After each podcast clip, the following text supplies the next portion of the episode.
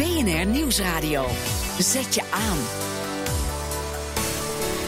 BNR Duurzaam. Ook oude monumentale panden zijn prima te verduurzamen. Onze planeet wordt letterlijk groener door onze CO2-uitstoot. En hoe gaat Follow This Shell alsnog bewegen om te stoppen met fossiele energie? Harm Edens. Welkom bij deze zomeraflevering van BNR Duurzaam. De komende weken herhalen we de beste gesprekken uit de afgelopen maanden. Twee maanden geleden spraken we over het verduurzamen van oude, monumentale panden. Dat deden we met Suze Gehem van De Groene Grachten en Joos Okkels, de weduwe van Wubbo. Zij bedachten de groene menukaart. Maar wat staat daar dan op? Een heleboel. Uh, we hebben hem onderverdeeld in vijf thema's. Dus we kunnen van alles uh, aan het menu toevoegen op water, op uh, warmte, op groene stroom, op isolatie en natuurlijk de quick wins. Want mensen willen ook gewoon snel aan de slag de met de eenvoudige... Quick wins? Ja, van ledlamp tot energieverbruiksmanager. Alle simpele dingen die je eigenlijk al heel snel kan toepassen in je huis. Dus als je het andersom zegt dan jij, wat jij net doet, van heel simpel tot buitengewoon ingewikkeld, is allemaal te vinden op de groene menukaart. Exact. En, en voor wie is dat ding bedoeld, Joos? De menukaart is bedoeld voor iedereen.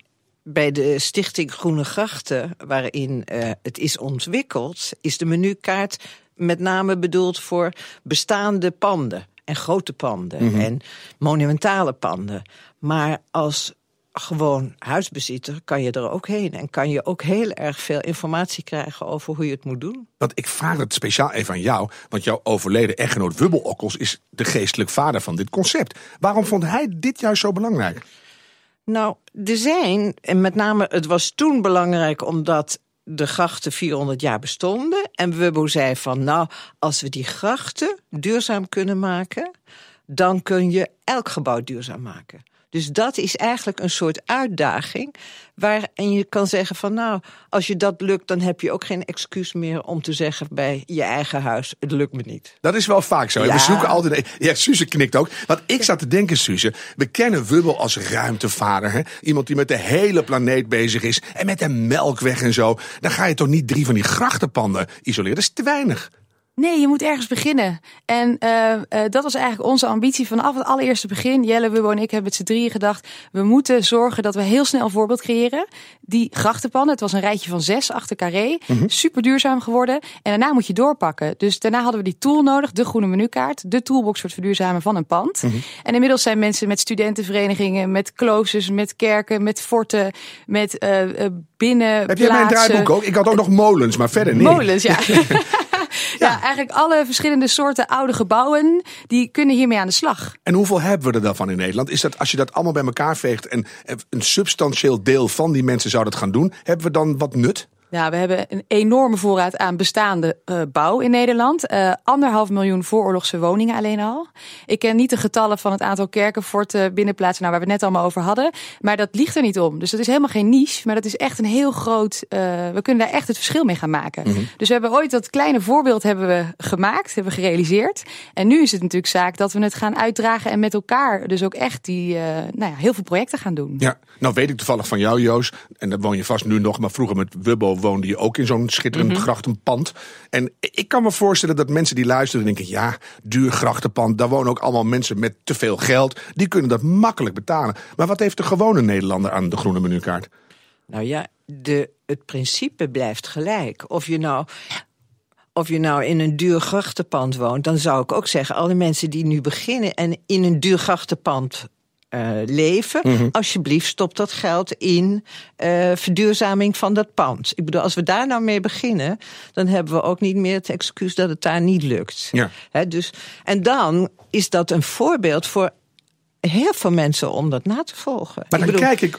Wat je zeggen, Suze? Ja, nou, um, um, we hebben dus in de menukaart allemaal rekentools eigenlijk uh, toegevoegd. Dus je kunt precies zien, uh, vloerisolatie, want dat, dat heeft Milieu Centraal uitgerekend. Hè? Het is beter om je geld in vloerisolatie te stoppen. 8% zou je op je spaarrekening ja, uh, hè, dan op de bank. moeten kunnen krijgen. Precies. Mm. hetzelfde met, met dakisolatie, allerlei thema's, ledlampen, die verdienen zich heel snel terug. Maar dat toch, kun je hè? allemaal doorrekenen. Maar toch, ik ben natuurlijk gaan kijken. Ik zie de vijf thema's: quick wins, elektriciteit, water, groene isolatie. En dan voor de eerste keer vind ik het, het komt een beetje versnipperd over. Ook denk ja jongens, wat moet ik nou toch gaan doen? Hoe pak ik het dan aan? Nou, het leuke is, um, uh, de tool is echt bedoeld om mensen te inspireren en informatie te bieden. Dus je kunt eens even eindelijk zien wat er nou allemaal kan. Mm -hmm. Het zijn meer dan 50 maatregelen. Maar dus niet meteen in paniek raken? Nee, helemaal niet. Gewoon lekker gaan spelen. Je klikt op een thema en het bandje gaat open en je kunt allemaal informatie zien. Je kunt inderdaad dingen doorrekenen. Je kunt zien, heb ik daar wel of geen vergunning voor nodig? Allerlei dingen die mensen vaak hebben als eerste vraag als ze iets overwegen. Ja. Uh, daarna kan je het zelf in een lijstje stoppen. Je kan dat als pdf naar jezelf toe mailen, zodat je echt je eigen plan hebt. En je ziet vaak dat mensen, als ze op basis van een menukaart enthousiast zijn geworden en ze willen echt een grote verbouwing doen, dan kunnen wij hun helpen, bijvoorbeeld met een advies op maat of met quickscans, met allerlei extra manieren om heel gedetailleerd. Het blijft altijd maatwerk, hè, oude gebouwen. Maar wel snelle om, dingetjes, dat vind je leuk, hè? De quick, snelle dingetjes. Ja, maar, die, die neem je mee natuurlijk. Dat is een no-brainer. Die moet je natuurlijk toepassen. Hoe, maar hoe ja, oude, oude grachtenpanden toch weer hip werden. Maar Precies. mijn gevoel is dat Ja. het een hele goede manier is om voor het eerst eens even een eerste stap Exact. te zetten. Zo, moet ik het een beetje zo zien? Ja, het Want is echt de, de eerste stap zetten. En daar was Wubbel heel erg van. Hij zei altijd toch, hè, eh, een stapje als het mij in de goede richting is. Ja, toch, ja, Joost? vind Krijg voor een en ruimtevader. One step voor- man. Nou ja, exact. dat- ja. Precies. En, en daarna kunnen mensen het op hun manier oppakken. En het leuke is, hij is nu voor, eh, voor iedereen in Nederland. Eh, je hebt voor speciaal Maastricht, Bergen op Zoom, Leiden, Den Haag, Wassenaar, Voorschoten en Amsterdam. Zit ook alle regelgeving en alle eh, financieringsmogelijkheden erbij. Mhm. Eh, maar iedereen kan ermee aan de slag. Maar Suze, hoe zit het voor Zutphen? Want daar woon ik in een monumentenpand. En eh, weliswaar een tamelijk niet zo heel oud, maar toch een monument. En ik mag niks. Ik mag geen zonnepanelen op mijn platte dak die niemand ziet. Ik mag niet aan het glas zitten. Ik mag, ik mag helemaal niks. Hoe helpen jullie mij? Dan moeten wij Zutphen maar eens even gaan spreken, denk ik. Zodat ze snel op de menukaart erbij komen. Het leuke is dat nu de gemeentes al heel erg van elkaar aan het leren zijn. eh, hoe zit het bij ons met regelgeving? Hoe zit het bij jullie? Hoe kunnen we dat opruimen? Hier in Amsterdam hebben we heel veel gesprekken met de monumentenzorgers. Die willen graag eh, hun regels ook weer aanpassen aan de huidige omstandigheden. Ze willen graag dat mensen veel meer lokaal energie gaan opwekken. Maar dan moeten dus ook die regels mee. En met dat is dus ook jullie rol. Het ding is er nu, het functioneert. Maar als we jullie nodig hebben, dan komen Suze en Joost langs met een clipboard en een watervaste viltstift. En dan begint het. Moet ik het zo zien? Zo ongeveer. Ja, dan even Zeker. toch, de, het, is een, het is een zakenzender hier. Wat, wat kunnen we verdienen, Joost? We verdienen allereerst, wat Wubbel altijd zei, enorm veel happy energy. En je verdient enorm veel, eh, eh, ja, Het is radio, Kijk, maar je Wubbo- kijkt er Wubbo zo blij altijd- bij. ja. Dat is Ja, echt ja. happy energy, hè? Ja. ja. Nou, het leuke is op comfort. eh Wubber zei altijd, een keuken verdien je ook niet terug. Het gaat er ook om dat je hele ruimtes weer opnieuw eh, leefbaar maakt. Ehm, maatregelen verdienen zich terug. Sommige in een paar jaar, sommige in 10, 15 jaar. Het ligt eraan wat jij zou willen investeren erin. En het is gewoon inderdaad heel veel happy energy en goed voor het milieu. En je komt in de hemel en dat is ook fijn. Toch? Ik ga jullie bedanken. Suze Gehem en Joost Okkels. BNR Duurzaam. De duurzaamste partyboot van Nederland vaart sinds vorige maand in de Biesbos. Verslaggever Elfanie Toulaar bekeek hem van dichtbij. Goedemiddag, dames en heren. Namens het rondvaartbedrijf Zilvermeeuw heet ik u allemaal van harte welkom aan boord van onze gloednieuwe rondvaartboot de Z8. En mede namens de bemanning Heeft u in de gaten dat u hier op het achterdek van het duurzaamste partyschip van Nederland vaart? Nee, had ik geen flauwe benul van. nee, Vindt u dat belangrijk? nee, Het is ook een heel stil schip. blijkbaar. Marcel de Groot, u bent kapitein op dit schip. Ja, vandaag al. Is het anders varen op zo'n duurzaam schip? Ja, heel anders. Oh ja? Het geluid is... Er is geen geluid. Ik ben eh, Adriaan Schuller. Samen met mijn broer eh, en eh, met mijn ouders eh, runnen wij hier het familiebedrijf, de Zilvermeeuw in Drimmelen. En we staan hier nu voor jullie nieuwste pareltje, de Z8. Ja, dat klopt inderdaad. Het is, dit is inderdaad de Z8, de eh, duurzaamste partyboot van Nederland. Daar zijn wij een jaartje of eh, ja, vier wel mee bezig geweest, vijf met de ontwikkeling daarvan. Prachtig rank schip. Binnen salon, zoals dat dan heet, achterdek, groot bovendek. Wat hebben jullie allemaal gedaan om dit schip duurzaam te maken? Nou ja, je begint echt bij het ontwerp. Dus, je- dus je zorgt ervoor dat je natuurlijk een, een mooi geveegd schip eh, hebt. Dat wat makkelijk door het water heen glijdt. Dat is eigenlijk punt 1. Punt 2 is natuurlijk dan de keuze van de motoren of van je voortstuwing. Nou, wij kwamen al toch redelijk snel tot de conclusie dat een elektrische voortstuwing eh, voor ons vaargebied eh, en het comfort van de gasten heel goed zou passen. Want? Ehm, nou, het is heel stil. Maar die elektriciteit moet ook ergens vandaan komen. Dat zou door middel van accu's kunnen. Nou, dat hebben wij ook eh, onderzocht. Dat was voor ons vaarprofiel eh, minder geschikt. Dus wij hebben eigenlijk gekozen voor een diesel-elektrische oplossing. Ehm, Hoor ik daar diesel? ja, dat, dat klopt. Het is, het is een, uiteindelijk moet de stroom ergens vandaan komen. Het voordeel van een diesel-elektrische oplossing is omdat wij eh, een, een heel wisselend vaarprofiel hebben. Met hard en zacht varen. Dat we motoren uit kunnen gaan schakelen. Dus als wij een rondje Biesbos doen, draaien we op één motor. In plaats van bij een conventionele oplossing in drie motoren. Ondertussen worden achter je de trossen losgegooid. Ja. Maar. Ehm, bij een conventionele opstelling zouden we twee voortstuwingsmotoren hebben en een generator voor je boordspanning, voor, voor, voor het hotelbedrijf. Dat betekent dat je altijd drie motoren hebt staan pruttelen. Nu pakken wij gewoon een, eh, een, eh, een, de, de gunstigste motor voor, voor de vermogensvraag die we hebben. Dus we draaien nu met een kleine. Zouden we wat harder gaan varen, zetten we die kleine stil, starten we een grote. En zo hebben we vijf verschillende opties om aan je vermogensvraag te voldoen.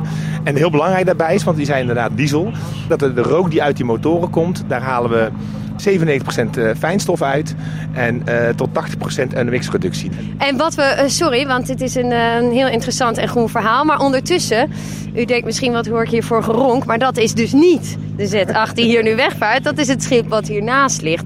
En zien we heel zachtjes de Z8 van de kade afdrijven.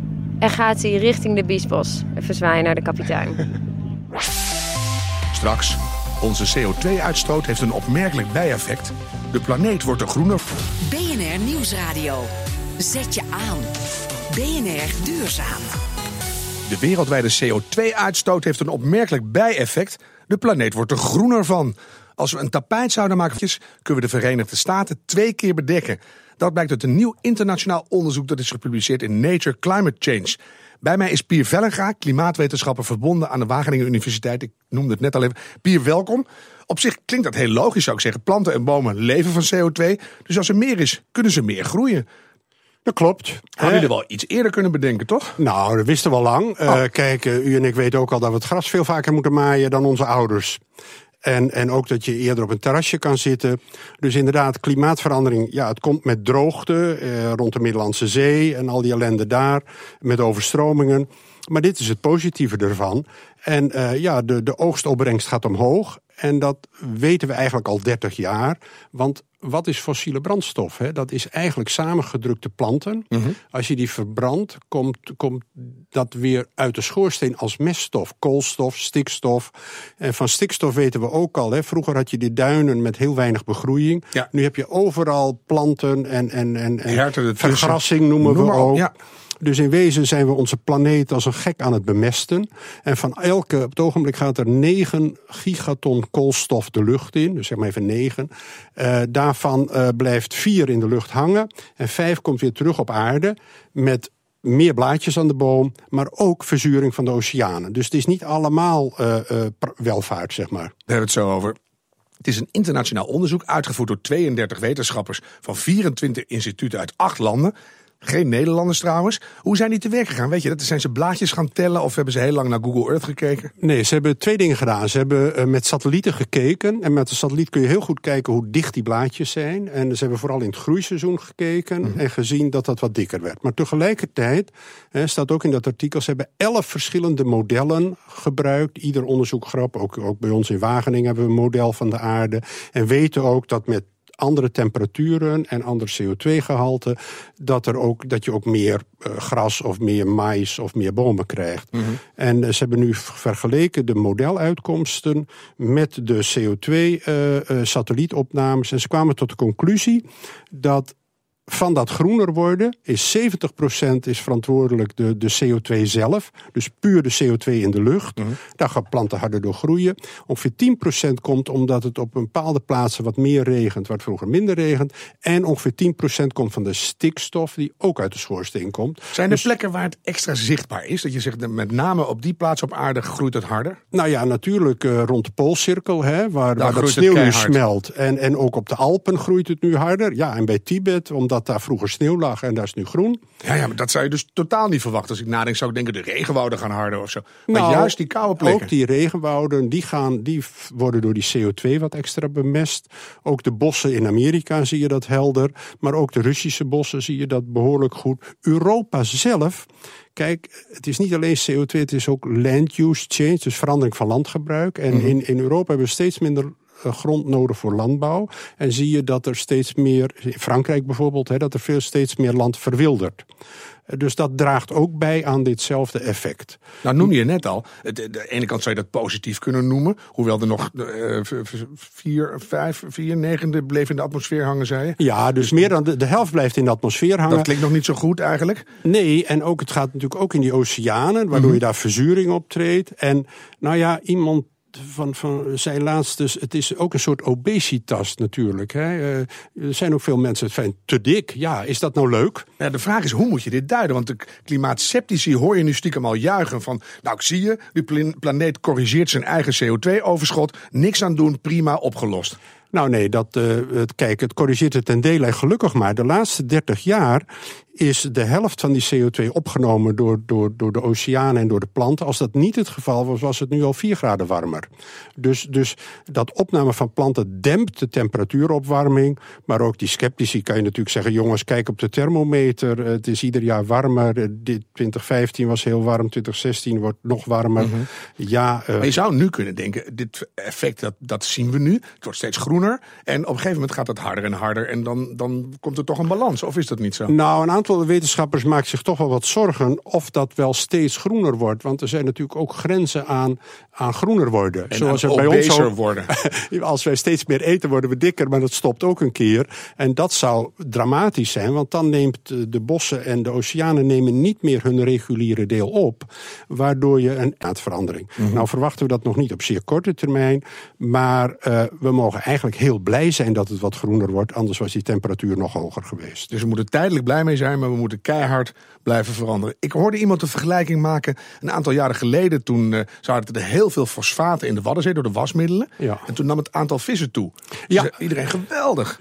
Nou ja, dat is natuurlijk het, het bizarre nu. Nu klagen de vissers van kun je niet meer die oude wasmiddelen gebruiken, want we hebben wat meer vis. En dat geldt zeker op de Waddenzee. Maar die wonen in Urk, dus dat verwacht je ook niet anders, toch? Uh, nou ja, kijk, vissers en landbouwers die, die zijn gebaat met meer bemesting. Maar mensen die rond de Middellandse Zee wonen, ja, die hebben droogte. En als u een huisje heeft in Zuid-Frankrijk, nou, ik zou zeggen, verkoop het maar. Want als het, als er nu naar 40, 50 graden is, is het niet leuk meer. Het begint nu te komen, hè? Dat begint zeker te ik komen. Was in Syrië, een paar jaar geleden was het 44 graden, gewoon even smiddags. Nou ja, dat is het bizarre van klimaatverandering. In ons land hebben we er best veel plezier van. Eh, we moeten alleen die dijken steeds verhogen. En mhm. dat houdt ook een keer op. Maar aan de andere kant krijgen we een klimaat nu van Parijs en Lyon. Met, met een terrasje hier en daar. Maar in Lyon hebben ze natuurlijk het klimaat van Noord uh, Afrika. En in Noord-Afrika het, het, klimaat van de woestijn. Dus ja, uh, we geven de ellende door. En dat creëert natuurlijk onrust in de wereld. Dus ondanks dat groener worden zou ik zeggen... we moeten absoluut zo weinig mogelijk CO2 emitteren. Het is groen genoeg, denk ik. Het lijkt mij een hele duidelijke boodschap. En in Urk moeten ze niet vergeten dat ze binnenkort gewoon aan het water op het terras kunnen gaan zitten. Hartelijk dank, Pier Vellinga, klimaatwetenschapper van de Wageningen Universiteit. BNR Duurzaam. Change the world by Shell. Met die slogan wilde de organisatie Follow This oliegigant Shell sneller duurzaam maken. Mark van Baal, oprichter van Follow This, welkom. Het idee was simpel. We kopen met een clubje mensen wat aandelen Shell. Daarmee verschaffen we onszelf toegang tot de aandeelhoudersvergadering. Daar dienen we een resolutie in. Shell moet duurzaam. 24 mei was dat zover. En slechts 3% van de aandeelhouders steunde jullie. Einde verhaal? Ja, nou 3,5 procent, dat is uh, eh, 2,5 miljard euro aan aandelen. ruim 100 miljoen aandelen. Dus in een jaar tijd uh, is dat heel veel. Uh, daarbij moeten we aantekenen dat er ook nog 3 procent zich van stemming heeft onthouden. Dat zie je niet in de percentages terug. Maar die hebben echt het hokje ingekruist. Uh, onthouding.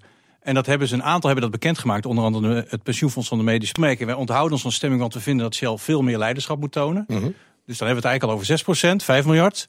Een jaar geleden stond ik daar namens 10.000 aandelen, hè, een paar ton.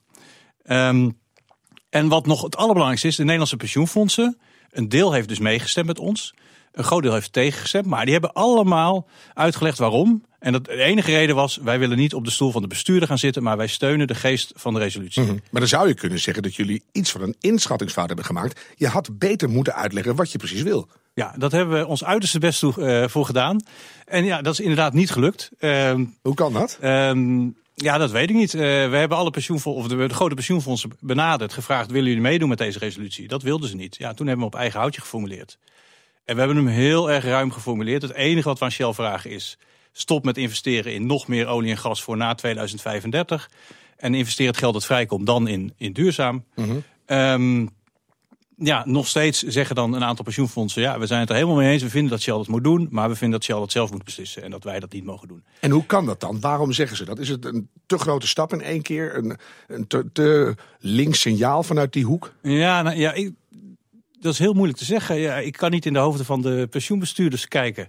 En alleen maar horen wat ze zeggen. En dat is uh, van ja, we vinden toch een paar puntjes in jouw resolutie die we niet helemaal uh, kunnen steunen. We hebben onder andere de suggestie gedaan dat Shell een stip op de horizon moest zetten. En hebben we heel voorzichtig gezegd, wij suggereren 2030, maar we kunnen ons heel goed voorstellen dat het ook een ander jaartal moet zijn, als die stip er maar is. Mm -hmm. En dan wordt dat 2030 eruit gepikt en zeggen ja, 2030, dat is niet realistisch. Dus uh, op die manier is het, uh, ja, nog, nogmaals, de geest van de resolutie steunen ze helemaal. Ze roepen allemaal, en dat is 20 tot 25 procent van de aandeelhouders van Shell. Shell, neem meer leiderschap in die energietransitie. Dus dat is de winst van, uh, van afgelopen jaar. Ja, en als je naar 25 procent toegroeit, dan kom je al bijna bij zo'n tipping point dat je zegt, dan kan Shell er niet meer omheen. Dus is ja. het nu een kwestie van een beetje de formulering aanpassen en gewoon nog een keer indienen? Ja, inderdaad. We gaan gewoon nu met de pensioenfonds om tafel. Uh, en zeggen, nou, wat, uh, hoe moeten we het anders formuleren zodat we jullie steun hebben? Uh, maar nogmaals, een meerderheid is niet nodig. De pensioenfondsen hebben 25% ongeveer. Alle dat zeg ik net. De 25% ja. dan kom je al bij de gevarenzone. Voor en de helft, de helft stemt maar. Dus daar zou je erbij kunnen zijn. Ja. Um, maar het gaat er vooral om dat het signaal aan het Shell-bestuur is... investeer meer in duurzaam. Dat is ook het enige doel wat we hebben. Shell steunen in die transitie. Mm -hmm. laten zien dat de aandeelhouders ook willen dat ze verduurzamen. Als we nou naar Amerika kijken, daar heb je gofossilfree.org van Bill McKibben. Die zijn behoorlijk succesvol, met ongeveer dezelfde uitgangspunten. Jij was een gewone journalist in Nederland. En wie was er eerder, Bill of jij? Nee, Bill was ruim eerder dan ik. Uh, dat, uh, ik denk dat Bill zelfs van voor, laten we zeggen, Inconvenient Truth was. Voor, uh, ja, oh, ik dacht van voor, voor de stoommachine, maar dan echt al, al vrij lang. Ja. Dus dat is voor 2006. Nee, ik ben pas in 2006, daar schaam ik me wel eens voor. Ik was nu al tien jaar ingenieur. En ik wist nog niet wat CO2 deed in de atmosfeer. Oh. Maar goed, Bill, of, El Gore heeft me daarop gewezen. En toen was het voor mij duidelijk van jongens, we moeten echt nu heel snel gaan veranderen. Maar waarom heb je niet Bill gebeld van Bill, I quite agree, come to the Netherlands?